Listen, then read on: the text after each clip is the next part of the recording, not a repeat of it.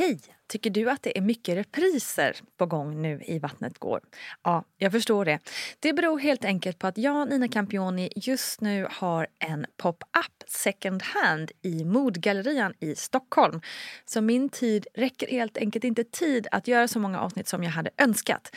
Men tills jag är tillbaka på full tid, kom gärna och hälsa på mig i Modgallerian. Vi ses!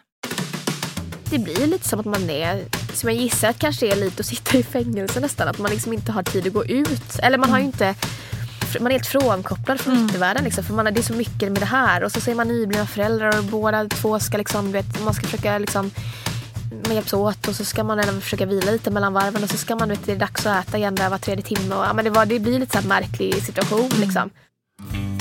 Hej, hej, hebbelhopp, hej! Kära lyssnare, välkommen ska just du vara till ett sprillans nytt avsnitt av Gravidpodden Vattnet går med mig, Nina Campioni. Jag kommer som så ofta för tjata lite först här innan vi drar igång intervjun och då är det ju som vanligt tjat om Facebook och Instagram och nyhetsbrev och, och att rejta podden. Ja, det är inte lite jag begär av er, det ska gudarna veta. Men jag vill ju så gärna att vi ska fortsätta höras du och jag. Så please joina Vattnet går lite överallt helt enkelt. Mammagruppen på Facebook är särskilt poppis ska jag säga. Nu så över till veckans gäst. Och det är ingen mindre än min kära kompis sen typ 11 år tillbaka. Det är nämligen Lina Wall Borgenbring, Oskarshamnsbon som flyttade till Stockholm och blev PR-strateg och mamma till Julius. Och nu kommer vi prata om förlossningsrädsla och neonatal.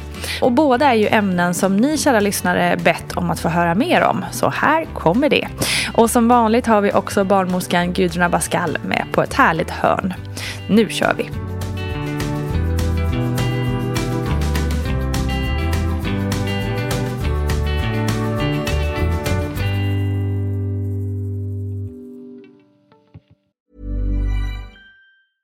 Normally, being a little extra might be a bit much, but not when it comes to healthcare. That's why United Healthcare's Health Protector Guard fixed indemnity insurance plans, underwritten by Golden Rule Insurance Company, supplement your primary plan so you manage out of pocket costs. Learn more at uh1.com.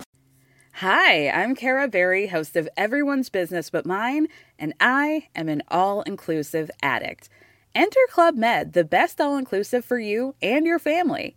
With resorts worldwide, from their family flagship resort, Club Med Punta Cana, to their only mountain resort in Canada, Club Med Quebec, they have everything you need to relax.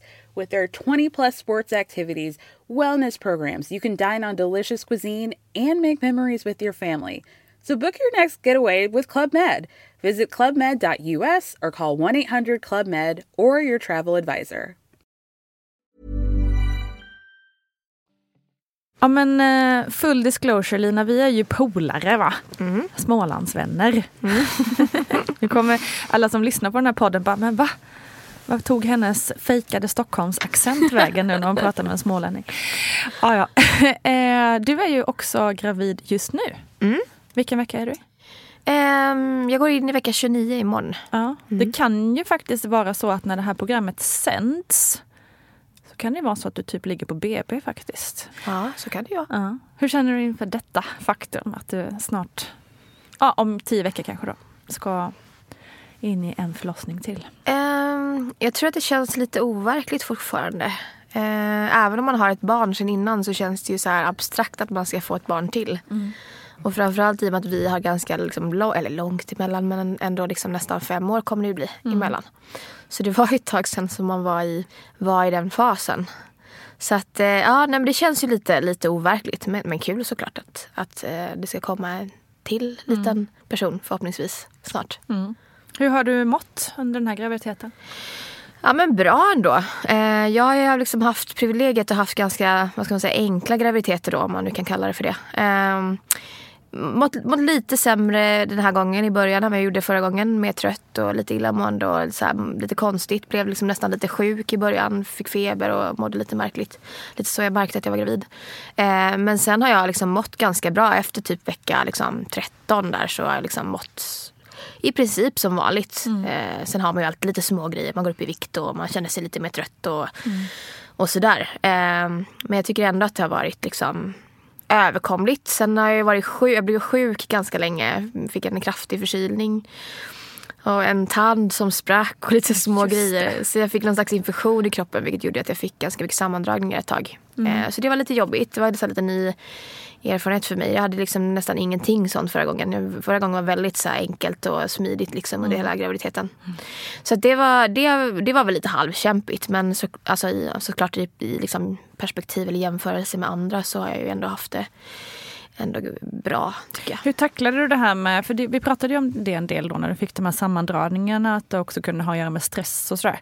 Men hur, hur gjorde du då? Alltså, kunde du dra ner på tempot eller tror du att det var mer med det här med infektionen och det? Alltså jag tror nog att det var mest med infektionen för att jag har ju liksom mått ganska bra efter det. Mm. Eh, det blev nog lite för mycket bara helt enkelt för kroppen att hantera alla de här grejerna samtidigt.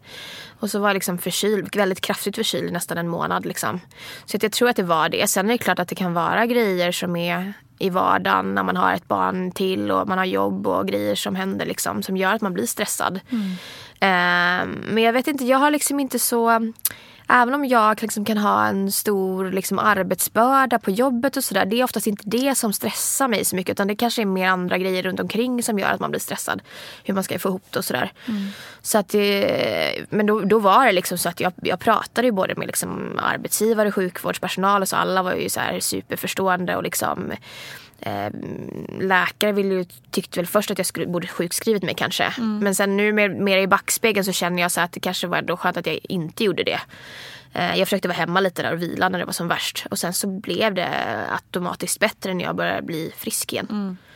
Så att, eh, men det är klart att man, man inser ju att så här, det är andra grejer som är viktigare än, alltså hälsan är viktigare än liksom alla jobb i världen mm. någonstans. Mm. Sen är det klart att det är svårt ibland för man är ju någonstans, man gillar ju, man gillar ju att jobba liksom. Exakt. Det är ju väldigt kul. Mm. Oftast. Oftast. Men du, eh, som du nämnde så är ju Julius fem.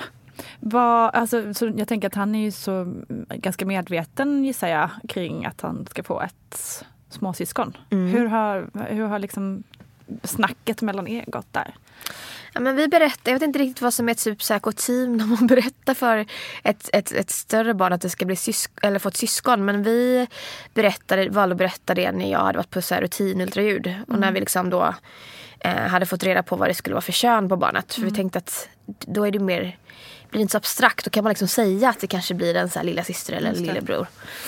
Um, och han hade liksom pratat en del om innan det här med syskon. För han har ju många på förskolan som har syskon. Och vi har mm. många i vår bekantskapskrets som har två barn och sådär. Så att han hade väl ändå liksom varit lite så nyfiken på det här med syskon och så. Så mm. att han eh, blev ju väldigt eh, glad över att han skulle bli storebror. Um, men sen så tror jag, och så, såklart han är ju så pass stor också, det, går ju, det är en fördel tycker jag när det är ett större barn att man kan prata lite mer med honom mm. så här, om ja, men, lite vad som ska hända. Och han är lite nyfiken om var bebisarna kommer ifrån och liksom, vad, som, ja, men liksom, vad, vad som ska ske. Så här. Och vi har försökt nu både köpa och låna böcker och liksom förbereda honom för jag känner att man, klart att man inte vet 100% vad som kommer, hur det kommer bli eller liksom vad som kommer ske så. Eh, som det är första gången. Men, eh, men vi försöker att förbereda honom lite. För det känns viktigt att han inte ska känna sig utanför eller, eller bortglömd. Eller liksom, att, han, att han är en del av det på något sätt. Och att han är en viktig del av det. Mm. Och att vi behöver honom liksom i det här och att han kan hjälpa till med grejer och så. För han är ju så pass stor ändå. Mm. Så att, eh, men det är klart att jag känner mig lite nervös över det där. Jag tycker att det är så himla viktigt att han inte ska känna sig, ja, känna sig åsidosatt. Liksom. Ja, Sen kanske det ändå kommer bli lite grann så. Jag vet inte riktigt. Det är svårt att se, förutse liksom, vad man får för typ av barn också. Liksom. Mm. Men eh, vi försöker ändå så här, prata med honom ganska mycket om det här. Så att han ibland själv bara, ja, ja, jag hört det här nu mamma. ja men det känns ändå bra tycker jag. När de, alltså, även om det kan, man kan fatta att man är tjatig så då, då fattar man ändå att då har de hört det. Liksom. Alltså, ja. då, då har de hört det och smält det och liksom också kanske kommit över ja. det liksom, på något vis. Hoppas det. Ja.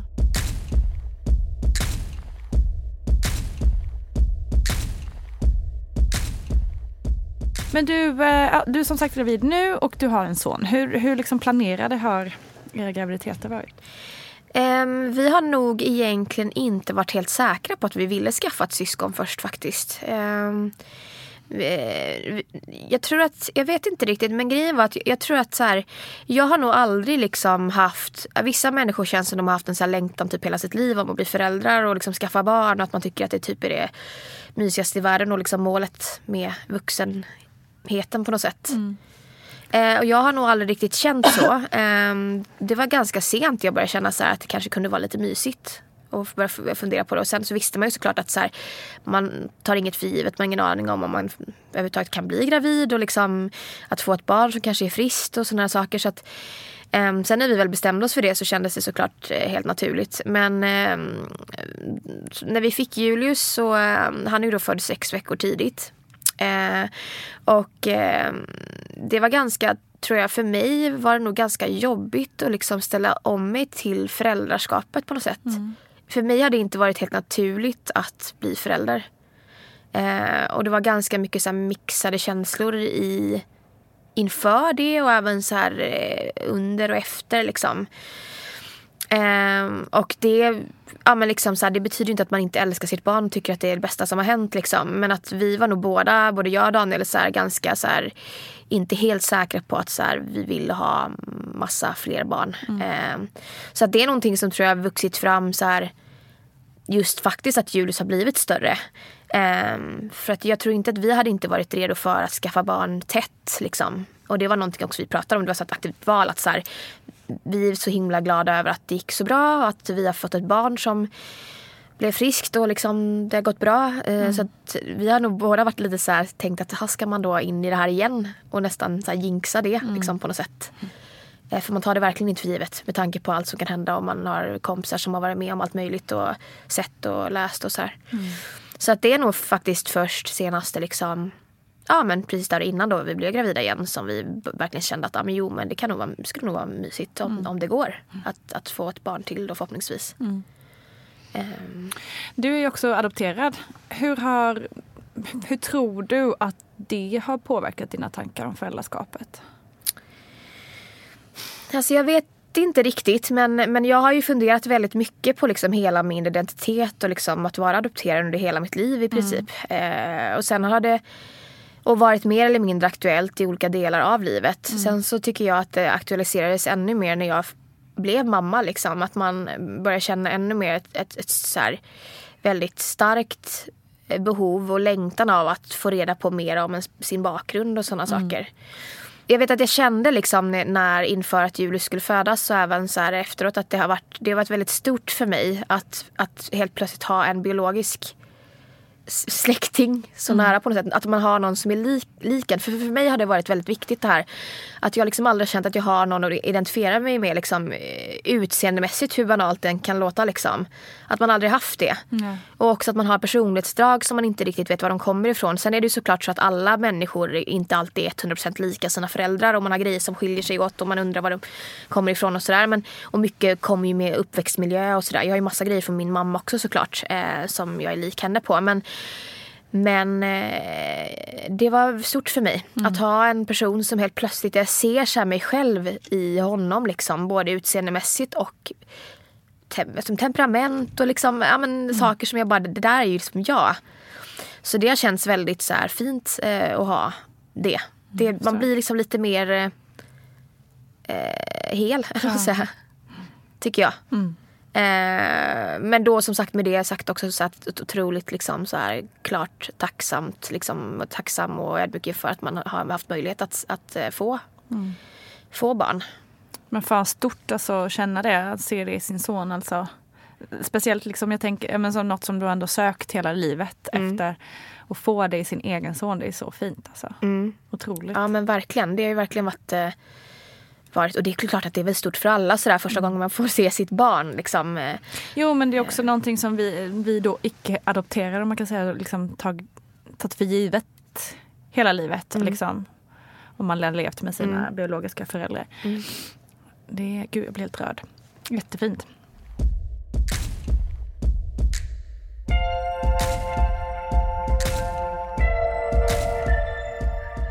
Vi går tillbaka till när du var gravid med Julius. Mm. Eh, jag minns ju att du var lite rädd för förlossning och så. Mm.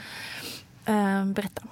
Ehm, jag var väldigt rädd för förlossningen. Eh, nästan så till den grad att det liksom nästan hindrade mig från att, just, att försöka kanske få barn. Mm. Och det finns egentligen ingen liksom, logisk anledning till varför jag var rädd. Det, det, liksom, det, det är inte så att det var någon, någon, i min närhet som hade varit med om någonting väldigt jobbigt eller, att, eller sådär. Men jag tror att det handlar om så här, min personlighet mycket. Att jag är liksom väldigt kontroll Alltså jag gillar att ha kontroll på saker och det här var liksom en av de grejerna man absolut inte kan ha kontroll på och inte heller påverka så mycket. Eh, och sen också såklart att det så här berodde på att jag har ingen information om min biologiska familj, så om min biologiska mamma, eh, hur hennes förlossning var. Eh, det enda jag visste var ungefär hur stor jag själv var när jag föddes mm. och liksom lite sådär. Så det, det, var mycket tankar som kom kring förlossning och eventuella liksom efterverkningar av en förlossning. Om det skulle liksom, ja, mycket så katastroftänk tror jag. Mm. Vilket såklart inte hjälpte till överhuvudtaget. Liksom.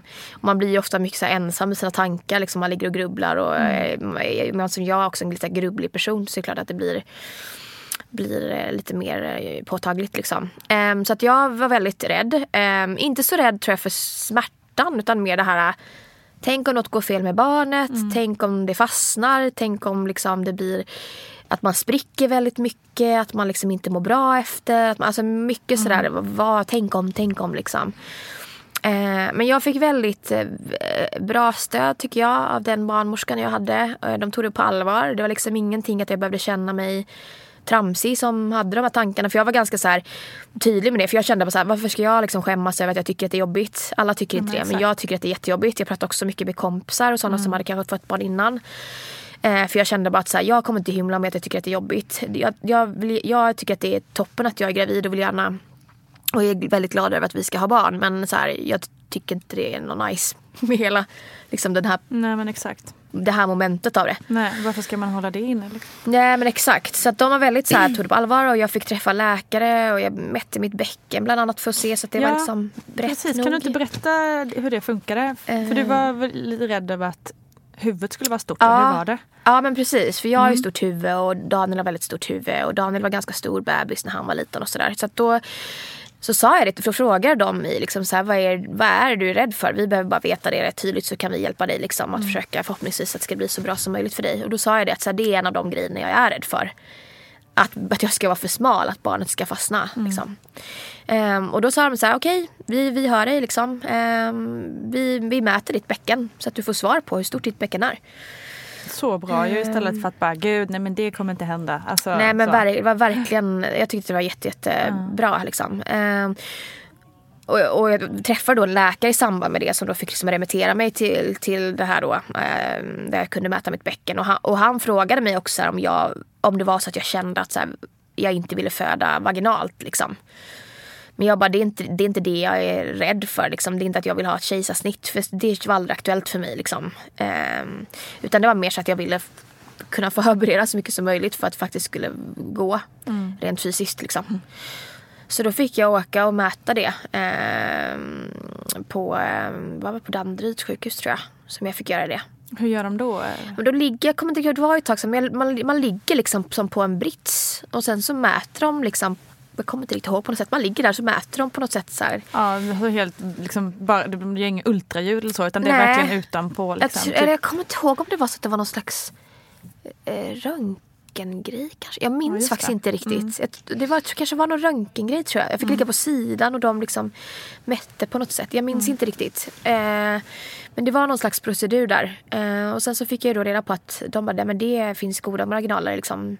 Det är inga konstigheter. Eh, du är så här liten till växten men det är inget, så här, mm. inget att göra med själva eh, måttet på bäckenet. Liksom. Känner du dig lugnad av det då? Eller? Jo men det gjorde jag väl. Eh, absolut, det hjälpte ju såklart mig. Eh, men sen så var jag ju såklart ändå lite stressad över allt möjligt annat. För man är inte, det är mm. okänt och man aldrig varit med om det och mm. sådär. Eh, men, men sen så, så fick jag också liksom eh, inbokat samtal med en sån här Aurora mm. där jag, som jag skulle träffa just för att prata om min förlossningsrädsla. Mm. Eh, och då så, vilket kändes bra. Eh, men jag hann ju aldrig träffa henne för att Julius föddes ju innan det. Ja, det drog igång lite tidigare än väntat. Mm, det gjorde, gjorde ju det. ja. Vi kan väl helt enkelt gå över på det. Ja. Helt enkelt. Om det inte var något annat som hände innan då, som du gärna vill dela med dig av Nej, tankar? det, det, var, det var det väl inte tror jag. Ehm, nej men vi, ehm, vi hade ju, skulle ju flytta där då. Vi höll på att flytta från vår lägenhet och hade sålt den. Och hade väl som ett litet glapp mellan tillträdet till den nya lägenheten och liksom att vi lämnade den gamla. Jag tror det var två och en halv vecka eller sånt där. Så vi bodde i en väldigt så här provisoriskt litet boende emellan. En liten mellanlägenhet, en etta med kokvrå. Ehm, och jag hade ju mått väldigt bra under hela graviditeten. Inte haft några tecken på att det skulle vara något konstigt liksom, eller att det skulle sätta igång eller sådär. Sen hade det ju varit stressigt med både flytt och köpa och sälja lägenhet och jobbet var mycket på och så gick min mor- mormor bort i samma veva. Eh, vilket också var väldigt jobbigt. Så att det var mycket grejer som hände såklart. Och sen också den här stressen över att liksom, det var något nytt och man var lite rädd för förlossningen och allt det här. Ehm, så att, eh, och jag vet att jag sa till Daniel så här att ja, men han får komma när han vill, bara han inte kommer när vi bor här. Ehm, och så var vi ute och käkade middag med några kompisar på en fredagkväll. Ganska sent för jag var väldigt så här, pigg liksom, och kunde vara med ute och så här, hänga. Och ehm, vi åker hem vid typ 12-tiden liksom, på kvällen där natten och eh, går och lägger oss. Och eh, jag lägger mig ner och bara känner att det börjar rinna liksom. Och då var min första tanke så här, gud vad är det som rinner liksom? Det var liksom som en annan känsla, inte bara liksom, utan det rann väldigt mycket liksom. Så jag liksom upp och in på toaletten och bara sätter mig på toaletten och tänker bara, men gud, har jag liksom kissat på mig nu? Eller vad är det som kommer här? Men då kände jag att så här, det luktade lite speciellt och det kom väldigt mycket så jag bara, det är vattnet som går. Och du vet, få så här panik verkligen. Jag fattar det, herregud. Alltså blev helt panikslagen för jag bara... Då, då var jag i vecka 33 plus 6. Så att jag bara du vet, skriker på Daniel liksom bara, jag bara du måste, du måste vakna liksom för han hade somnat så här. Och jag bara vattnet går och han du vet så här, upp och vadå, vadå, vad är det som händer? Jag bara nej men vattnet går du vet så här. Vi måste ringa till förlossningen. Och då var jag typ helt hysterisk liksom för att jag var så himla rädd för allt annat liksom. Och du vet man blev bara så här, det här ska inte sätta igång nu, vad är det som händer? Och, ja. Eh, men vi ringer till dem och så vet man ju, tror jag de flesta vet att så här, man får oftast ett ganska lugnt och eh, metodiskt bemötande. Då. Hon jag pratade med var ju super liksom så här, försök ta det lugnt så här, vi hör dig så här, kom in, det är lite tidigt att vattnet går nu så att eh, sätt er liksom i en taxi så fort ni kan och kom in liksom. Men jag hade inga verkar då utan det var bara att vattnet gick. Och det gick också ordentligt, det forsade bara liksom. Som typ på film, när det sätter igång. Så att vi, du vet, på med kläder bara liksom, du vet, ut. Eh, Tänker du då att liksom, nej, men nu, nu kommer han? Eller är det mer så här, nej, men nu, vi måste in och liksom, bara fixa det här? Typ, förstår du vad jag menar? jag vet inte, jag var nog mest rädd att det var något som var fel tror jag. ja. Eh, så jag mer så här, mår han bra liksom. Mest så, rädd för det. Ehm, så att vi åkte liksom taxi då in eh, från Söder till um, BB Stockholm, eller Danderyds sjukhus.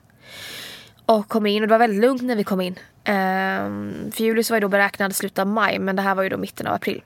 Eh, så att vi kommer in där och du vet direkt man kommer in, det var som sagt, det var ingen, de hade inte så mycket att göra då tror jag. Så det var väldigt lugn stämning där inne. Alla var väldigt så här, lugna och du vet, tog hand om en och bara det kommer bli bra och liksom så här. Men förklarade också att så här, ja men de tittade ju då och undersökte mig. Eh, och sa att bebisen verkar må bra men vattnet har ju gått. Och Daniel var så här, eh, jag, jag, för, jag förstår inte, ska, ska, nu liksom, ska vi bli föräldrar nu? De Ja. bara, ja, jo, alltså bebisen kommer komma nu inom loppet av kanske två dygn eller vad de sa. Ja, herregud. Så att absolut, den är på väg liksom. För att vattnet hade gått så pass mycket, det hade gått hål liksom på hinnorna. Så att vi fick ju stanna kvar där. Eh, och då, men jag hade inga verkar så att vi fick liksom, blev förvisade in i ett rum där vi fick liksom sova. De var försöka sova lite liksom och ta det lugnt. Och Daniel var ju så här, Kunde du det? nej jag Nej. kunde inte sova liksom. Nej så att vi ehm, eh, låg där och så sa de det bara men säg till eller liksom tryck på knappen här och fick någon sån här la- larmgrej. Eh, och bara tryck på knappen om du känner att liksom, du behöver någonting. Och så satte de på här, vet du, de CTG och ska kolla så att verka, om det verkar och sådär. Och sen drog verkarna igång. Vi låg inte där så länge. Jag vet inte, har inte så här 100% så här korrekt tidsuppfattning tror jag. Men så här, vi låg väl där kanske i så här en timme eller vi kom väl in runt ett tiden på natten. Och så låg vi där kanske någon timme eller två. Och sen drog verkarna igång där runt ja, men, ja, men halv tre gissar Ja, det gick så snabbt det gick väldigt fort. Och då så sa de det att okej okay, men om det blir, om du känner att det är outhärdligt liksom, för då du fortfarande kvar i det här rummet då, som inte var ett förlossningsrum utan det var någon annan form av så här vilorum mm. tillsammans med ett annat par som låg och sov. Um, så då får du bara ring på oss då. Och då gick det rätt fort. Jag började känna ganska snabbt så att nu liksom nu gör det jäkligt ont här, liksom, mm. nu, nu drar det igång. Så då fick vi komma in på ett förlossningsrum. Och då var det så att eh, då sa hon till mig, så här, den, här, den här barnmorskan som tog emot oss, liksom, att så här, vi ser här att du liksom har varit eh, är lite förlossningsrädd och att du har mätt ditt bäcken och att du har ett inbokat samtal här med en, en barnmorska som du skulle träffa för att prata om din förlossningsrädsla. Eh, och hon är här i tjänst nu så hon, wow, okay. hon kommer också vara med in i, Nej, i rummet. Eh, vilket kändes väldigt så här, gud vad skönt. Ja, liksom. ja, betryggande. Liksom, väldigt betryggande. Så det var liksom två barnmorskor inne med mig hela tiden och en undersköterska. Och de frågade också här, för jag hade ju inte hunnit skriva något förlossningsbrev eller så heller. Så de frågade väldigt mycket så här kring detaljer kring så här, vad jag var rädd för. Och mm. De ville alltså verkligen försöka göra allt för att jag skulle känna mig bekväm. Mm. Men det som var där och då var att dels var man väl lite chockad för att det hade dragit igång så här, hjärnan hängde väl liksom inte riktigt med. Och sen så tror jag att det var bara, ja men som, ja, men som du vet liksom, när det väl drar igång så känner man bara du vet, nu, nu gör vi bara det här. Mm, liksom. Det finns inte så mycket annat val. Så. Så att jag, eh, nej men jag kämpade på där och, det var, och jag sa det till dem att så här, jag vill ha smärtlindring. Liksom. Det har jag tänkt hela tiden. Um, så att jag vill ha epidural. Mm. Och jag vill gärna liksom, ja, men så att ni vet det. Att ni kanske kan, så här, eh, jag sa väl inte det men att de sa det själva. Att så här, men då förbereder vi narkosläkaren mm. på det. Mm. Så att, eh, men så kände jag ändå samtidigt att så här, eh, man vet ju att tar man epidural så stannar det ofta av lite grann. Så jag kände bara att nu försöker jag ändå ta så mycket som möjligt så länge det går. Och sen när det blir outhärdligt så kanske jag bara kan. För det hade gått rätt snabbt allting. Ja, liksom. gud, verkligen.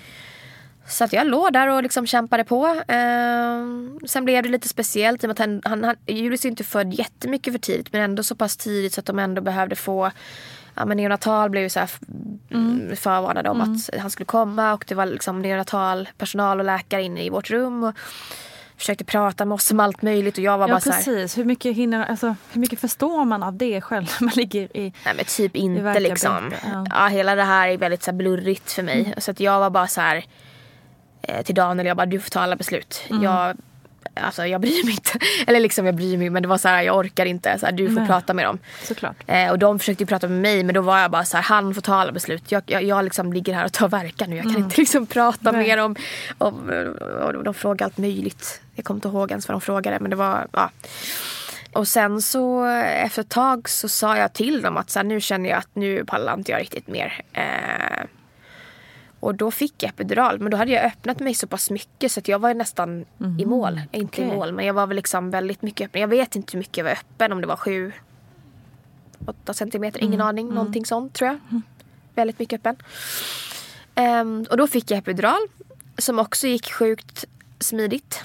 Det var liksom så här, du vet, många var så här, gud är man inte rädd för den där vet, eh, berömda nålen som kom. Alltså, mm. Jag hade inte någon uppfattning om att det ens var. Det var en narkosläkare som kom in vet jag och det gick skitsnabbt och så gick han ut därifrån och så mm. var det färdigt och sen så kände jag bara så här, men gud, så här, känner ingenting. Nu kan jag gå upp och gå. Jag var uppe och gick och du vet så snackade med personalen. Och liksom, du vet, så overkligt egentligen. Väldigt bekvämt liksom allting. Och då var jag inte ett dugg rädd heller. Det var som att jag bara släppte på något sätt. Mm. Liksom.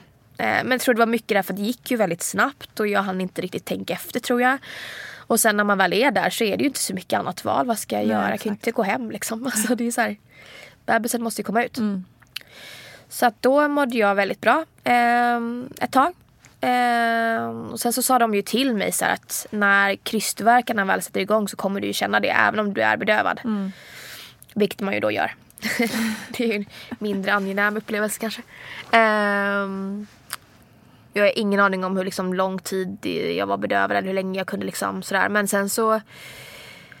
Jag tror att eh, som sagt all verkar och så satte väl igång vid halv tre. Och sen är ju Julius född vid halv elva på förmiddagen. Mm. Så att det gick ju ändå ganska snabbt. Eh, sen var ju han lite mindre. Eh, kanske kan påverka, jag vet inte. Mm. Han vägde ju bara 2,2 när han föddes. Mm. Lillplutten. Så, eh, men det var, man, man hinner inte med, eller hjärnan hinner inte med liksom tyckte jag. Eh, så när han kommer ut för det blev också, på slutet blev det också sugklocka för mig. För att eh, eh, han ville inte komma ut riktigt. Och så såg de väl att han ja, hjärt, eh, vad säger man, frekvensen eller vad säger man, rytmen liksom gick lite ner. Så de var bara så han behöver komma ut nu liksom. Så då hjälpte de till med en liten, liten sugklocka. Eh, jag tyckte bara att det var, man har ju hört mycket skräckhistorier om det. Ja, verkligen. Eh, men jag kände att det bara var bra. Det var typ två kryssningar som var ute. Skönt att få, Väldigt. få det över. eh, Liksom. Och jag vet att de sa vid något tillfälle till mig, min barnmorska sa så här. Vi, vi vet att det, det är många människor här inne nu. Det är, det är läkare och det är allt möjligt. Så här, men jag vill att du ska veta att alla har en funktion. Så här, och jag bara, det är helt lugnt. Jag behöver bara liksom, nu vill jag bara att han ska komma ut. Och sen kom han ut väldigt snabbt efter det.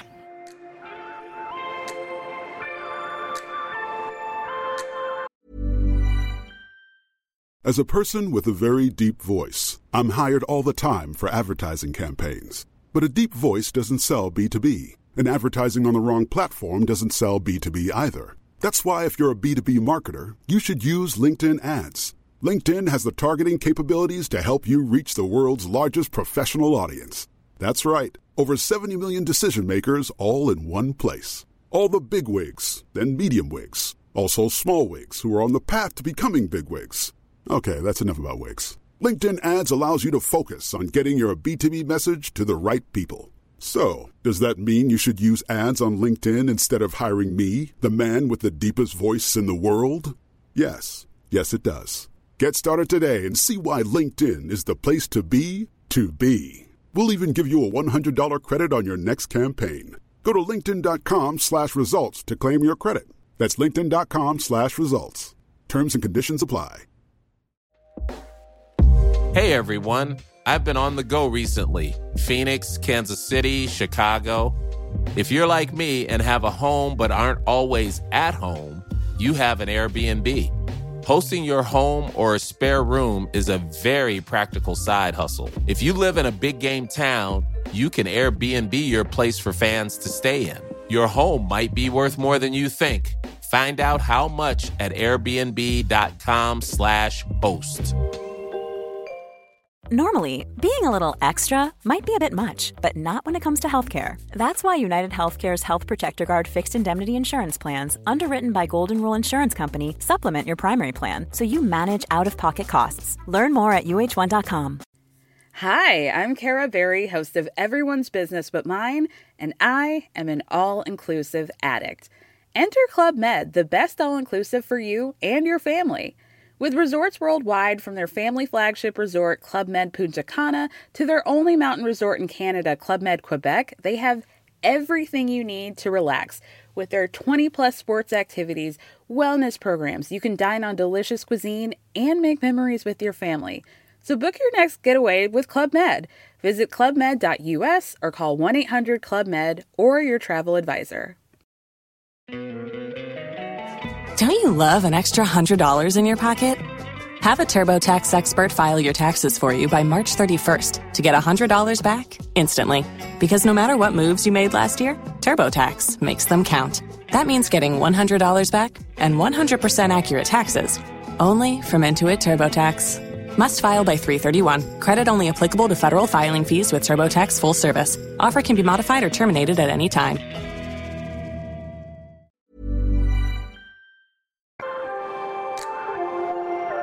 Som sagt, född lite för tidigt. Inte mycket men ändå lite. Så att då får han inte, liksom, fick han inte ligga hos mig så länge. Utan jag tror 10 sekunder tror jag han får ligga. Ja, fick, han fick ändå komma Ja, det fick han göra. Men sen tog de honom jättesnabbt in i ett annat rum. Och så han och Daniel fick gå iväg. Hur var det då? Jag tror inte att jag fattade riktigt vad som hände liksom. Jag tror det var så här. Jag tror det var hela den här. Jag var så himla lättad över att det var över. Och att jag är glad över att jag hade liksom klarat det. För att jag var så himla rädd innan. Och jag tror att det blir så när man, eller för mig blev det så att jag, jag tänkte liksom. ah, Och jag tror det är så för många att man tänker inte längre än fram till förlossningen. Nej, Man tänker inte på vad som ska hända sen liksom. Exakt. Och hur ska det bli? Vad ska jag må? Vad ska hända liksom? För det är så abstrakt på något sätt. Så att jag eh, var bara otroligt lättad över att det var över. Och jag tror inte riktigt att jag fattar att jag hade blivit mamma liksom. För att han försvann ju också från mitt rum. Efter typ bara några sekunder. För att de var tvungna att se att allting var okej. Så jag blev ju liksom lite själv där. Eh, Jag blev lämnad själv. Eller så här, jag vet inte, de, barnmorskan var väl där och sen så eh, kollade väl hon det här vet, att man kan gå på toaletten och grejer. Och så, men så fick man ligga och vänta och så skulle moderkakan komma ut. Och jag vet inte alls hur länge jag låg där inne. Men de skulle sy lite grann. Jag tror det var två stygn eller vad det var. Ehm, Men så- fick du någon information när du låg där? Liksom? Nej, nej, in, Nej. Inte, vad jag, inte så mycket vad jag minns. Mer att de, än att de sa så här.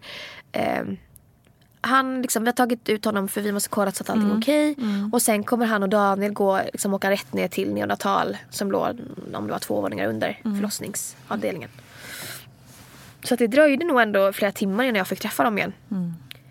Så att det var lite märkligt tror jag. Eller det har jag känt efteråt att det, jag mådde, mådde, det blev konstigt liksom. Sen mådde jag ju fysiskt väldigt bra. Jag kunde liksom gå upp och gå några timmar efter bara. Jag fick så här två Ipren och två Panodil och sen kunde jag liksom upp och röra på mig. Det är ju så coolt ändå. Det är väldigt o- inte ovanligt men jag tänker att det är inte alla som såklart tar det så. Eh, så det var ju väldigt eh, skönt för mig. I och med att också att det blev som det blev och han kom tidigt. Och det där, jag tror att det hade kanske varit ännu jobbigare om jag kanske hade mått väldigt dåligt och inte kunnat röra mig eller ja, sitta eller ligga eller vad som helst. Liksom.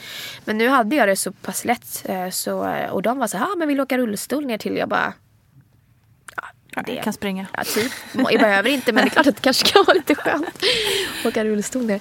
Ehm, så att jag träffade dem väldigt, ja men det var liksom, jag vet inte hur lång tid det tog men det tog ett tag. För jag skulle ju då såklart, jag bara- bli helt sydd och Precis. Ja, men det är lite duscha procedur, procedurer äta som man ska... lite. Och det kände jag lite, vet det här när man får de här mackorna efter. Som alla alltid pratar om innan. Att man sitter där med sin bebis och så äter man de där mackorna ihop och så är man så himla så här Lyckliga hungrig och lycklig liksom. Och så bara där låg jag själv i något slags rum och så var de där nere. Så då, och jag förstod ju varför men det var ändå så här. Det är klart att det inte var så exakt som man hade förväntat sig att det skulle vara. Ehm, så att ja, så det dröjde lite och då var det så att de hade inget rum åt oss på Neo. Utan vi fick bo kvar, jag och Daniel bodde kvar på förlossningsavdelningen. Och Julius då fick eh, ligga i ett eh, rum där nere tillsammans med andra nyfödda bebisar. Eh, som var lite för tidigt födda, födda. Och han var ändå den bebisen tror jag som var störst. De andra var ju födda ja, men allt från vecka 27 och uppåt tror jag. Så att vi fick liksom åka lite upp och ner där när vi skulle till honom. Och då är det ju väldigt, så här, det är väldigt viktigt det där med hud mot hud och man ska sitta liksom flera timmar med dem. Ehm, så det blev, jag, jag vet att jag tyckte, eller vi tyckte båda det var liksom jobbigt det här med att man känner att man inte riktigt Det är som att det inte är ens eget barn. Nej. Det är lite som att så här, man måste be om lov. Så här. Och nu säger jag säger inte att det, det var så, eller att de sa att vi var tvungna att be om lov. Men det kändes Men lite som att så här, för han var ju uppkopplad till lite alla möjliga grejer. Både liksom, han hade ju en sån här um, CPAP liksom, eh, mask för att han behövde hjälp med att andas. Eh, för lungorna inte var helt utvecklade. Och, eh, han hade någon sån här monitor på hjärt rytmen eller vad man kallar det för. Och han hade också gulsot så han låg på en sån här liten solsäng. Och, ja, men det var grejer som han hade. Han hade en sond i näsan och lite såna grejer. Så att man fick ju, det kändes inte som man bara kunde plocka upp hur Nej, man men ville. det fattar man ju att... eh, Eh, utan man är det okej att ta ut? Alltså det, Ja. det blev lite som att man inte, ja, som att det inte var ens, ens barn. Som att det var sjukhusets barn. Så man fick gå dit och bara låna. Liksom. Så att det var lite konstigt. Ehm, och så skulle man ju hela den här grejen med amning och det skulle bara, ah, kan det komma igång? Och man skulle pumpa och du vet. Och så, så, så, I och med att han inte heller orkade äta då eh, själv, amma eller liksom eh, äta. Utan då fick man ju då eh, sonda i mat var tredje timme. Så det blev väldigt så inrutat, vilket på ett sätt kanske var bra. För man vande sig vid det här att man åt så här, vad, här 3, 6, 12. eh, Ja, men det var så här, liksom, man hade tre timmars intervall som man skulle sonda i mat. Ehm, och det var ju en, lite av en procedur för att man jag tror det vet väl alla som har gjort det med sitt barn att man ska liksom titta först att det, den ligger rätt sonden och så ska man liksom hålla på och dra upp och titta så det kommer upp så den inte ligger i magsäcken utan, eller i lungan utan att den ligger, rätt eh, innan man får trycka i mat. liksom. wow. Och så får man inte trycka i för fort och så ska man se så det kunde ju vara så här matningsproceduren tog ju väldigt lång tid. Mm. Ehm, Men kunde han ligga då i di- din famn när ni gjorde det? Ja, men det fick han göra. Men de ville gärna dock att han skulle ha den här solmadrassen på sig så mycket som möjligt eftersom han hade gulsot. Ehm, Men hur var det liksom första gången du såg honom när han låg där inne? Hur, alltså, var kändes han overkligt lite? Alltså hur, hur kände du när du såg honom? Liksom? Jag tycker att allt kändes rätt overkligt tror jag. Jag har typ ganska mycket grejer att jag inte kommer ihåg riktigt. Mm. För att vi var inte där jättelänge. Vi var väl där, vad var två och en halv vecka där. Som vi fick ligga inlagda där. Mm. Um, och um, det blir lite som att man är som jag gissar att kanske är lite att sitta i fängelse nästan. Att man liksom inte har tid att gå ut. Eller man har ju mm. inte man är, ingen liksom, man är helt frånkopplad från mm. yttervärlden. Liksom, för man, det är så mycket med det här. Och så, så är man nyblivna föräldrar och båda två ska liksom, vet, man ska försöka liksom man hjälps åt och så ska man även försöka vila lite mellan varven och så ska man, vet, det är dags att äta igen där var tredje timme. Och, ja, men det, var, det blir lite så här märklig situation mm. liksom. Jag vet att vid något tillfälle så, eh, så sa jag till honom bara, jag måste bara gå ut liksom. Jag kan inte bara vara här inne. Och då gick jag ut och gick ett varv runt parkeringen där vid Danderyd bara för att få komma liksom frisk mm. luft och se lite folk liksom. Och sen så gick jag in igen. Um, så att vi var väl båda väldigt, liksom, jag tror man var väl orolig såklart och så, så mådde man väl inte 100% bra och jag fattade väl inte riktigt vad det som hade, som hade hänt Nej. heller. Nej. Uh, och sen så är det ju så att man som tjej mår man väl inte alltid jättebra precis dagen efter heller Gud, överlag. Nej. Liksom. Nej. Så att det var, jag tycker att det var jobbigt. Jag tycker den tiden var väldigt jobbig. Alltså vara där. Och jag, och jag vet att vi träffar någon annan förälder i, köket där. För det är, man har så gemensamt kök liksom. Mm. Som hade varit där väldigt länge. Och, och det var också andra barnet, så de, de som var fött för tidigt. Och, mm. eh, eh och då kände man så bara, gud, hur klarar, hur klarar de det liksom?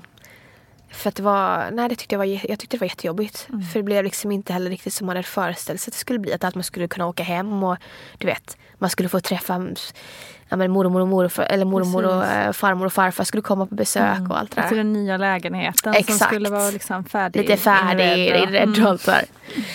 Så det var ju så här lite, nej men det var jobbigt tycker jag var där och jag tycker också att det var framförallt var det nog jobbigt för att vi tvivlade aldrig på att Julius liksom fick den bästa vården. Det fick han verkligen. Och, och de är ju otroligt duktiga. Och liksom, de var väldigt så här, ni ska inte oroa alltså så liksom att han, eh, ja, men han är så pass stor, han gick upp i vikt och det gick, alltså det gick väldigt bra liksom. Mm.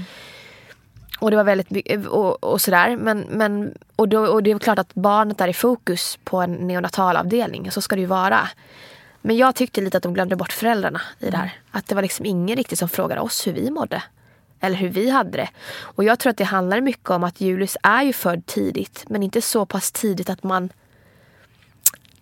Det, var väl aldrig någon fara för hans liv. Alltså det var liksom så här så att man hamnar lite mellan stolarna. Att så här, men, men er går det så bra för. Han är så stor. Just det, ni behöver inte oroa er. Nej, lite så kändes mm. det.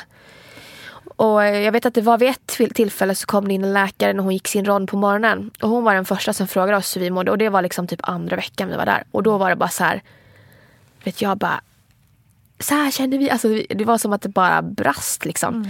Jag, jag bara till henne, jag, bara, så här, jag tycker att det, är liksom ingen som frågar hur vi mår. Och liksom, ja men du vet, och hon mm. bara oj det var ju jag är verkligen ledsen för att ni känner så. Mm. Ni ska såklart bli erbjudna om ni behöver prata med någon. Och det var som att det liksom missades lite och det informerades inte heller riktigt om vad som, vad som gällde där tyckte jag. Mm. Alltså så här, vad har vi för rutiner? Så här, vad förväntar vi oss av er? Vad, men du vet, vad, vad, vad, kan vi göra, vad kan vi inte göra? Um, och jag vet inte om det kanske är annorlunda om man får barn som är väldigt sjuka eller har liksom... Så jag tycker också att det låter lite som så här problemet med eftervården överlag. Alltså även för en förlossning som går liksom på due date och allting går enligt konstens alla regler. Mm. Så lämnas man ju lite åt sitt eget när man är färdig. Liksom. Eh, och ta hand om jag menar, allt. allt alltså, även, om, även om man har fött barn eller konstigt, liksom, så perfekt tillfälle som det bara kan vara så har man ju stora känslor och frågor efteråt som man kanske behöver hjälp att ta hand om. Liksom. Mm. Um, och jag kan tycka, och det har vi pratat mycket om här i podden men också ja, men på sociala medier så att man märker att de allra flesta ändå någonstans känner att eftervården i i Sverige överlag är ju jätte eh, liksom, ja, dålig. Ja. Rent krasst faktiskt. Man, man, glömmer bort. Ja. man glömmer bort den. Liksom. Och det har vi pratat också om så här, när någon gör abort till exempel Mm. eller får missfall. Att man bara så här, det medicinska, absolut, det har vi koll på. Liksom. Men hur mår, hur mår vi? Ja. Hur mår man sen? Det Ja, får men man väl sällan det. hjälp med. Liksom. Ja men det är ju det. Och det är så här, man blir lite bortglömd. Och så här, man har ju full förståelse för att det finns barn som är sjuka eller som föds väldigt mycket mer för tidigt och där det finns större behov av såklart. Mm. Det har man ju fullkomlig förståelse för. Eh, men, men sen så är det ju ändå så till... Alltså, det är ändå så att man är ju ändå i sin egen situation. Och sina egna tankar och så här. Såklart. Och eh, det är klart att även om de som jobbar där träffar hur många barn som helst dagligen som har olika typer av utmaningar. Man föds olika mycket för tidigt och sådär.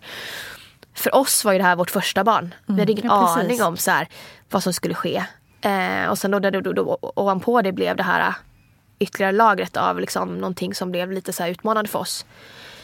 Så kände vi båda att så här, vi tycker inte att det sköttes 100% bra. Ehm, men som sagt, ingenting att klaga på när det kommer till vården av, av Julius. Nej. Det var verkligen, eh, där kände vi fullt förtroende. Mm, Liksom. Och vi förstår ju att man, de gör vad de kan. Det är också mycket resurs, en resursfråga. Exakt, och det är väl det liksom att som sagt med det medicinska och, och som du är inne på att det var ju, är ju jättebra. Liksom. Eh, men man tycker att Sverige är ett, land där det borde finnas eh, plats också för att ta hand om eh, det mentala och liksom, ja, det som händer efter helt enkelt. Ja, ja visst, verkligen. Mm. Ehm, Så det, det sätter vi återigen upp på politikernas agenda. ja. ja. ja.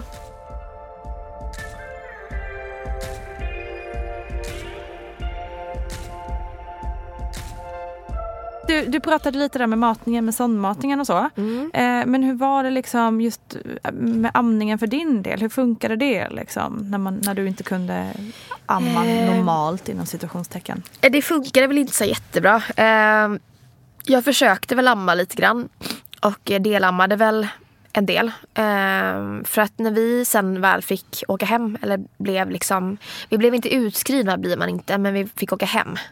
Man är fortfarande inskriven liksom, så vi åkte hem med ja, hemsjukvård tror jag det kallas för. Okej. Vilket innebär att det ska komma då en, en, en barnsjuksköterska eller vad, ja, hem liksom. För att kolla så att barnet liksom växer som det ska och sådär, väga och mäta och sådär.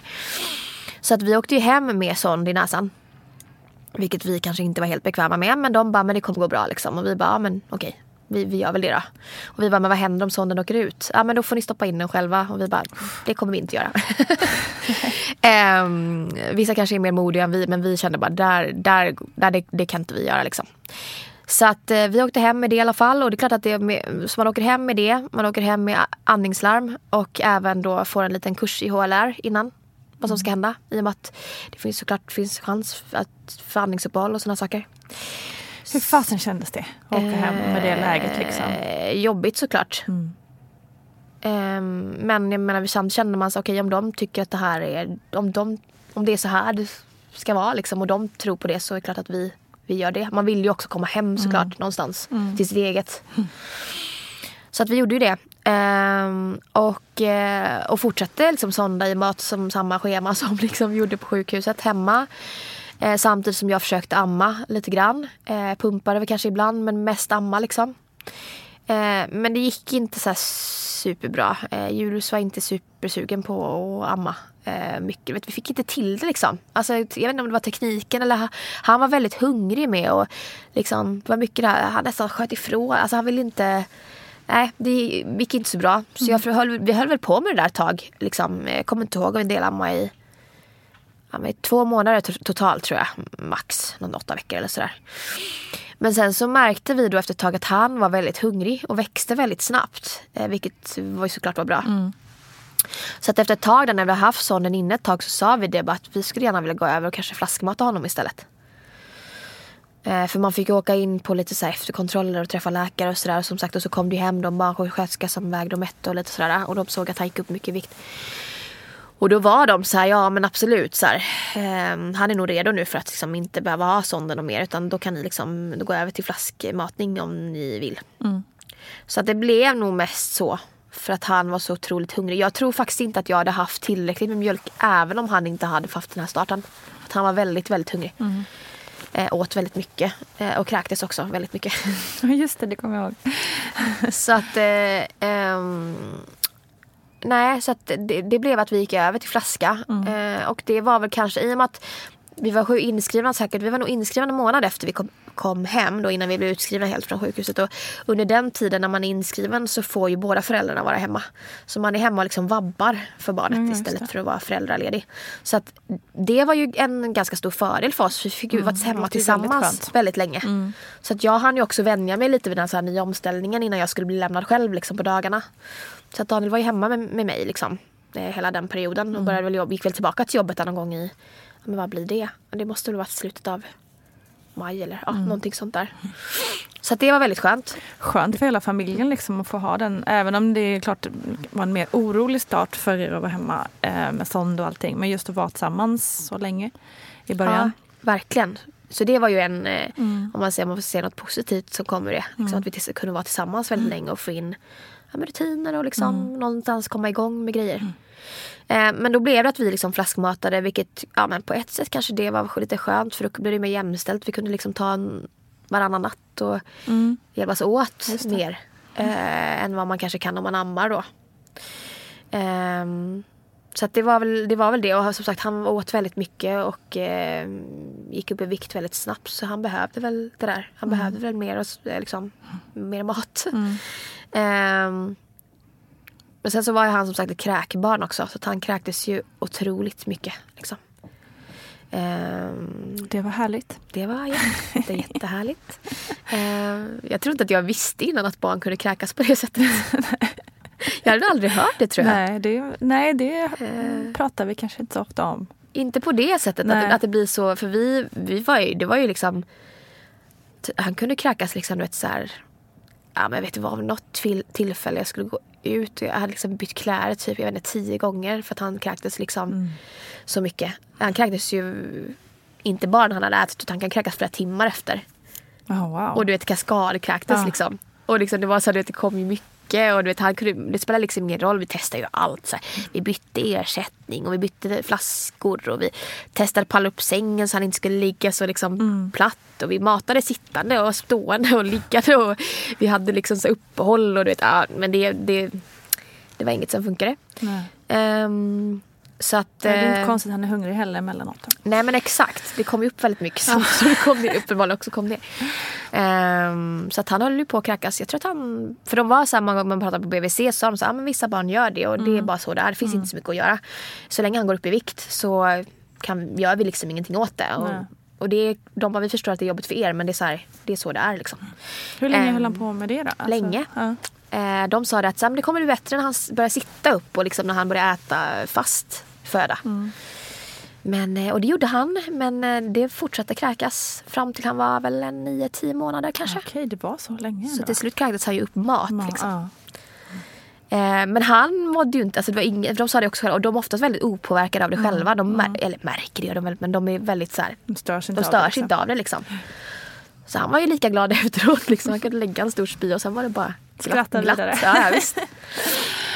Eh, så det, och då, när man var uppe i det tänkte man så här, gud det här tar aldrig slut. Men sen så nu känns det bara som en parentes i allting. Liksom. Mm.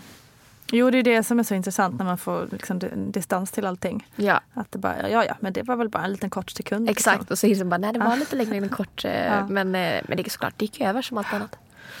Men det är så skönt att, att prata, för jag menar det just det här med, med för tidigt födda barn, att liksom man tänker på förhand att det är typ eh, Ja men man tänker att gud det kommer aldrig gå liksom. Men det är så skönt att höra din historia tycker jag för att det ändå har gått så pass bra. Med tanke på allt som skulle kunna ha hänt liksom. Mm. Men hur känns det nu när du är gravid Mm. igen och är nu då vecka 29 och det är liksom bara några veckor kvar till det, Mm. den tiden som Julius födde. Liksom. Hur går tankarna kring det? Känner du oro för det? Jo, men såklart lite gör jag ju det. Eh, sen så vet jag ju nu vad som skulle, om, om eh, det skulle bli så att det, eh, det sätter igång lika tidigt den här gången så vet jag lite mer vad det innebär. Eh, och det var ju ändå så pass sent. Eh, Det var ändå så pass långt gången så det var ju inte så stora, vad ska man säga, komplikationer på grund av det. Eh, så att men det är klart att jag liksom haft tankarna i så att tänk om det sätter igång ännu tidigare den här gången. Liksom. Eh, och vad skulle det innebära? Eh, och jag har pratat mycket med både, jag har pratat både med läkare och barnmorska liksom, på MVC om det här. Eh, och det är, man, det är väl någonting man, man, man, får bara försöka och inte tänka för mycket på det. För att gör man det så blir man ju väldigt stressad. Mm, såklart. Eh, och sen har jag också försökt tänka att, att eh, om det skulle sätta igång så kan inte jag göra så mycket åt det ändå. Då är det så. Mm. Och det är klart att man kände, nu har jag ju gått så pass långt så att skulle Mm. det sätta igång nu så finns det ju ändå rätt stor chans att det går bra ändå. Men Ja. det är klart jag tänkte på det tidigare att så här, tänk om det sätter igång den här veckan när det inte ens finns någon chans att rädda barnet. Mm. Men ja, det är ju inte, som sagt det finns inte så mycket man kan göra åt det i så fall. Nej, det är väldigt sant. Det så är en bra insikt även om den är jobbig. Liksom. Ja, och jag har försökt att tänka liksom så att så här, försök kanske inte att stressa upp mig för mycket. Och, och försök att tänka som när jag liksom pratat med läkare att så här, förutsätt att det kommer gå, eh, du kommer gå hela vägen den här gången. Liksom, För att det är stor chans att det gör det. Att så här, du inte behöver föra tidigt den här gången. Sen är det klart att det finns en förhöjd risk för mig att föra tidigt eftersom jag gjort det en gång. Och i och med att de inte heller förra gången såg någon väldigt tydlig anledning till varför det satte igång. Liksom. Ehm, det fanns inget, de, de tog ju prover och tittade på infektion och sådär men det fanns liksom inget tydligt, ehm, ja, men ingen, det var Ingen ingen anledning, anledning. riktigt. Eh, och jag hade ju inte heller haft någon, eh, här, några komplikationer under graviditeten eller några tecken på att det skulle sätta igång så det bara drog igång. Så att jag försöker att tänka att förhoppningsvis kanske jag slipper föra tidigt den här gången. Det vore ju skönt Det vore ju bra. Det tycker jag också. om jag slipper det. Skönt.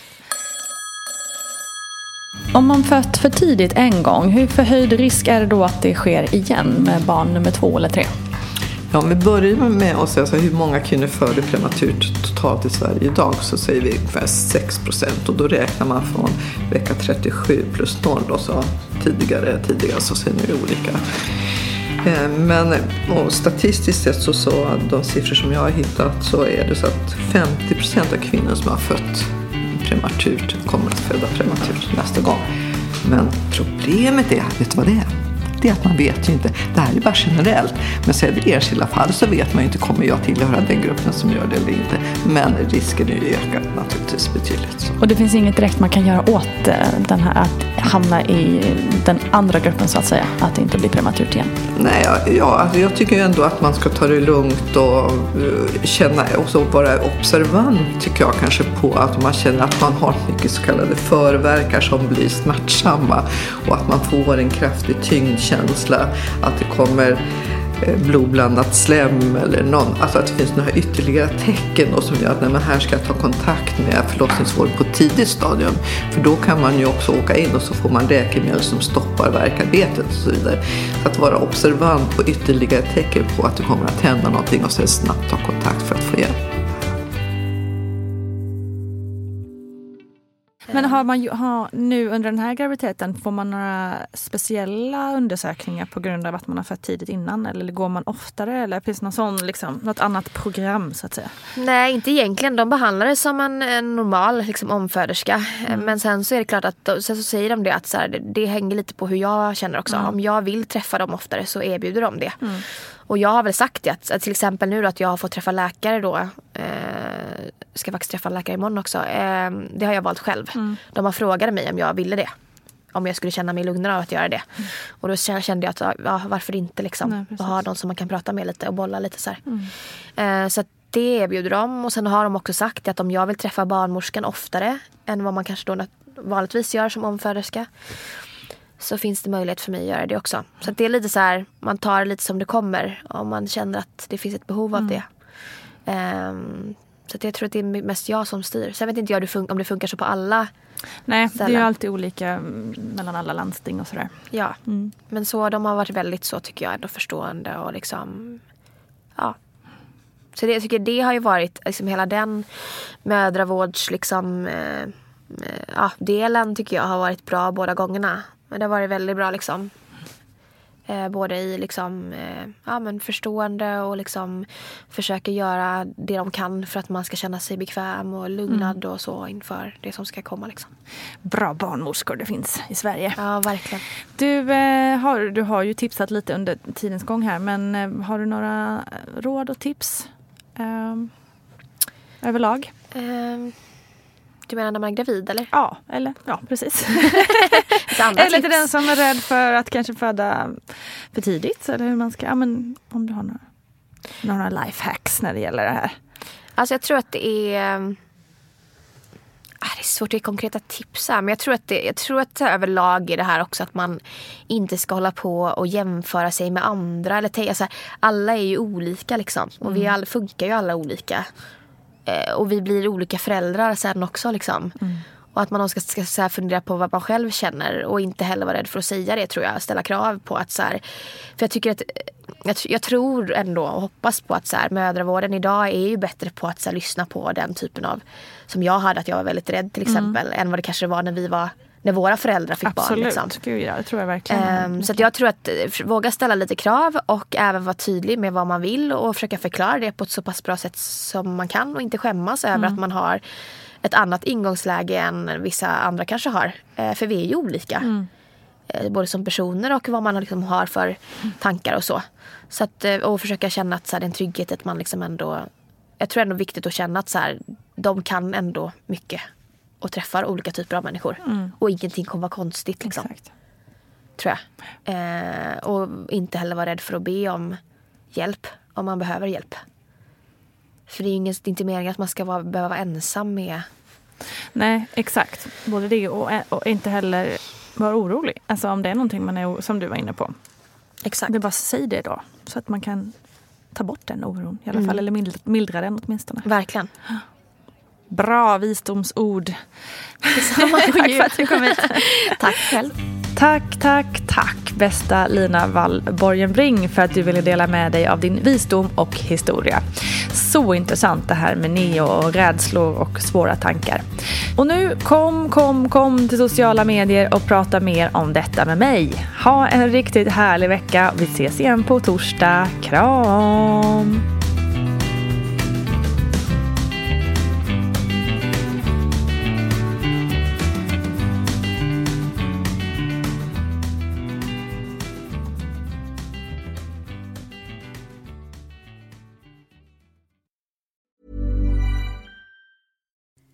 Hi, I'm Kara Berry, host of Everyone's Business But Mine, and I am an all inclusive addict.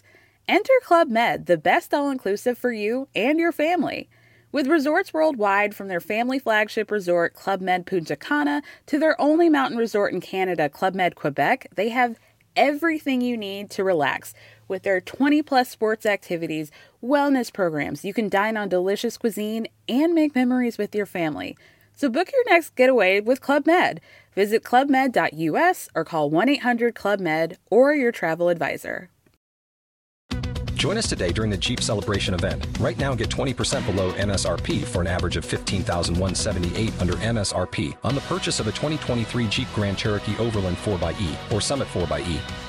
Not compatible with lease offers or with any other consumer incentive offers. 15,178 average based on 20% below average MSRP from all 2023 Grand Cherokee Overland 4xE and Summit 4xE models in dealer stock. Residency restrictions apply. Take retail delivery from dealer stock by 4 1. Jeep is a registered trademark.